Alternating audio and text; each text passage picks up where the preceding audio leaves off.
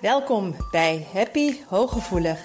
Mijn naam is Marian van der Werf en in deze podcast wil ik je inspireren om voluit van het leven te genieten.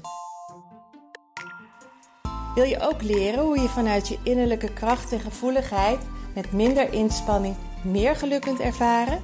Heb je zin om positief, energiek en vrij van onzekerheid en angst door het leven te gaan?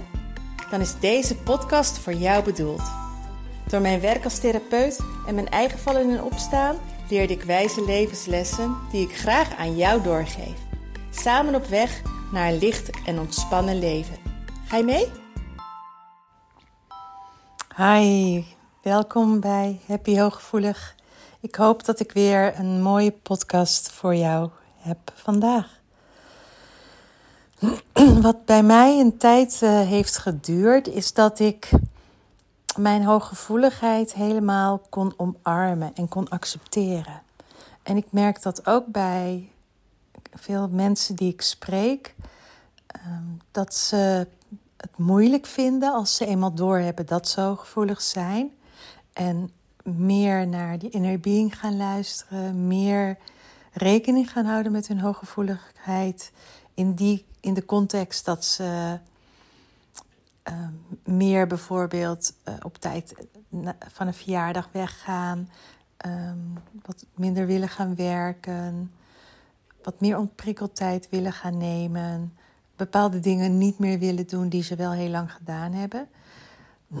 Dat ze dat enerzijds wel willen als het om hen zelf gaat, maar zeker als het om de buitenwereld gaat, dat dat spanning geeft. Omdat de buitenwereld jou in die andere hoedanigheid gewend is. En dat heb ik zelf ook wel lang gehad, dat ik het op een gegeven moment, als ik in mijn eentje was of met, met mensen die me heel goed kennen, die veilig waren, dan kon ik dat wel. Maar op het moment dat ik dan bepaalde keuzes maakte, wat andere mensen niet van mij gewend waren, dat ik dat dan nog wel moeilijk vond. Of dat wanneer ik met andere mensen was, wel eens gefrustreerd kon raken. Bijvoorbeeld als we naar intratuin gaan of als ik ging winkelen. Of um, dat ik dan van mezelf baalde dat ik het niet volhield. Of dat ik um, hoofdpijn kreeg. Of dat ik overprikkeld raakte. Of dat ik een. Ik, ik kan nog wel eens een soort bijna paniekaanval ergens krijgen als het heel erg vol en druk is. Of dat ik niet chill zit bij een concert bijvoorbeeld. Um, dat heeft best een tijdje geduurd voordat ik dat kon accepteren en voordat ik daar oké mee was. En dat merk ik dus ook bij mijn cliënten, zeker wanneer ze nog niet zo heel lang weten dat ze hoogsensitief zijn. En um, hun omgeving daar nog niet in mee kan, wil, gaat. Um, een van mijn um, cliënten die zei ook van dat zij regelmatig, als het ware, ze heeft ook een burn-out gehad. En dat het voor haar gevoel dan heel goed gaat. En dat ze zoiets heeft van, nou weet je, ik, ik, kan meer keuzes maken. Ik kan meer voelen wanneer het me te veel wordt. Um, ik zit eigenlijk best wel weer heel lekker in mijn vel. Het wat rustiger aandoen. Het wat minder achter elkaar, maar jakkeren bevalt me eigenlijk heel erg goed. Maar dan zegt de omgeving van, het gaat zeker nog niet zo goed met je, want je bent nog niet de oude.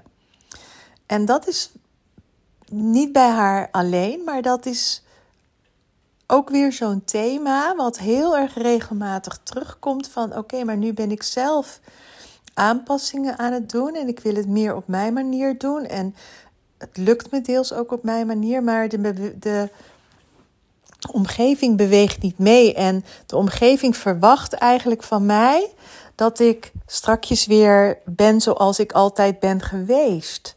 Maar zoals ik altijd was, dat heeft me geen goed gedaan. En dat wil ik niet meer, want ik zat in die aanpasmodus en ik wil nu beter voor mezelf zorgen. En ik ben eigenlijk wel benieuwd hoe dat bij jou is. Of jij zelf al helemaal accepteert dat in de maatschappelijke context je niet in dat plaatje misschien past waarin je terecht bent gekomen of waarin je heel lang hebt gefunctioneerd. Maar dat je merkt van ja, maar voor mij is dat niet goed. Ik had vanmorgen ook weer zo'n heel erg mooi waardevol gesprek um, met iemand die in het onderwijs werkt. En zij zei ook van ja, door de maatschappij word ik in dat keurslijf gemanoeuvreerd. En gisteren zei bijna een andere cliënt van mij precies hetzelfde. Ik vraag, die zei van die, ik vraag me af of ik wel in dat keurslijf wil of dat ik überhaupt nog in loondienst wil. Op deze manier, want het geeft me zoveel spanning en het is zo moeilijk voor mij om dan bij mezelf te blijven. En dan wat ik net al zei, hoe is dat bij jou? Lukt het jou om trouw aan jezelf te blijven als er een spanningsveld ontstaat tussen wat er van, je, van anderen verwacht wordt en wat jij wilt en wat jij nodig hebt, wat goed voor jou is. Wat ik zelf bij mezelf heel erg merkte, is ehm, toen ik nog twijfelde en er ook nog een, een, een niet geheeld stuk bij mij zat, zei ik wel van nee hoor, ik sta er helemaal achter. Maar eh, op een moment dat ik nog onzeker ergens over was, toch nog een beetje twijfelde, het nog um, weet je, zeker met die overprikkeling nog een beetje zwak van mezelf vond. Dat ik dacht van ja, maar Jan, hou je dat nou niet eens vol? En nu loop je hier in de stad en je hebt pas een paar winkels gehad en dan breekt het zweetje uit en zou je het liefst willen vluchten en uh, zo snel mogelijk naar huis. En dan vond ik me nogal een aansteller. en vanuit die twijfel, als ik dan aangaf aan iemand naar iemand anders toe, met die onderliggende onzekerheid nog, dan kwam er altijd een discussie of kwam er altijd ook een soort negatieve reactie. Dan kom je natuurlijk op dat punt van wat je uitzendt, trek je ook aan. Op een moment dat ik niet voor de volle 100% stond en ook nu sta voor hoe ik het wil, geef ik energetisch iets zend ik energetisch iets uit? Um, heb, is er een bepaalde energiefrequentie? En blijkbaar nodigt dat dus dan mensen uit om er tegen in te gaan, of om er wel iets van te vinden, om discussie met me aan te gaan, om met me mee te gaan denken dat het nog allemaal wel even kan. En hoe meer ik sta voor mezelf, hoe meer oké ik ermee ben dat het voor mij gewoon zo is, hoe krachtiger mijn, mijn uitzending is, om het even zo te noemen. En dan is er dus geen discussie en wordt het veel makkelijker geaccepteerd. Um, en dan hoef je ook de omgeving niet te overtuigen. Dus merk jij nu aan jezelf dat je regelmatig het gevoel hebt dat je je moet verdedigen naar de buitenwereld? Ga dan eens kijken, om, om even naar binnen te gaan, of jij jezelf al voldoende accepteert dat het bij jou, werkt zoals het werkt. En ehm, als je merkt dat je nog twijfelt, als je merkt dat je onbewust jezelf toch nog een aansteller vindt. Ehm, en het is moeilijk om jou als volwassene zo te accepteren. Dan kan het ook nog heel erg helpen om even af, terug te gaan naar het, het jonge meisje of de jonge jongen. Om te kijken nog weer even naar die pure mooie eigenschappen die jij als kind liet zien en nu nog steeds hebt. Want soms, vaak is het makkelijker om liefdevol zijn, te zijn naar je innerlijke kind dan naar jezelf als volwassene. Dus dan is dat vaak een hele mooie opening om bij jezelf te komen en liefdevol naar jezelf te kijken en ook die gevoeligheid te accepteren. Als je kinderen hebt, ehm, Kijk eens hoe jij naar je kinderen bent. En zou je van je kinderen verwachten dat ze anders zijn dan dat ze zijn? Of dat ze meebewegen met iets wat, wat niet bij hen past of niet goed voor ze is. En trek dan de parallel naar jou toe, dat het voor jou ook zo geldt. En hoe meer jij echt gaat staan voor je hooggevoeligheid en er oké mee bent. En niet meer vindt dat, het zo, dat je het hoort te doen zoals andere mensen om je heen. Maar focus gewoon op jouw mooie eigenschappen. Focus op jouw kracht, jouw innerlijke kracht, je innerlijke wijsheid. Ehm,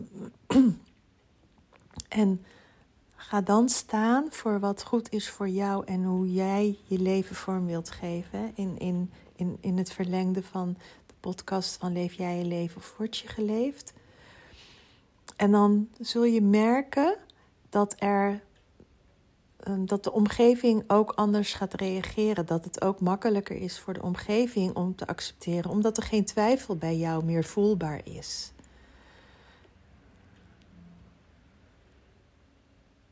Dat, dat is wat ik in deze podcast aan jou wilde vertellen, wat ik je wilde meegeven. En nou, ik hoop natuurlijk ook weer dat je er heel veel in hebt en dat je er blij mee bent. Dus een hele lieve groet en hopelijk tot snel bij een nieuwe podcast. Doeg! Dank dat je luisterde naar Happy Hooggevoelig.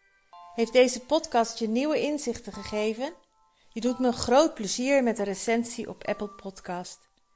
Je kunt je natuurlijk ook abonneren op dit kanaal in jouw favoriete podcast-app. Want elke week staat er een nieuwe aflevering voor jou klaar. En wil je nu zelf aan de slag en meer lichtheid ervaren? En sta je open voor nieuwe inzichten en verandering? Neem dan vooral eens een kijkje op mijn website www.zienswijs.nl. Daar help ik je graag nog verder. Zie ik je daar?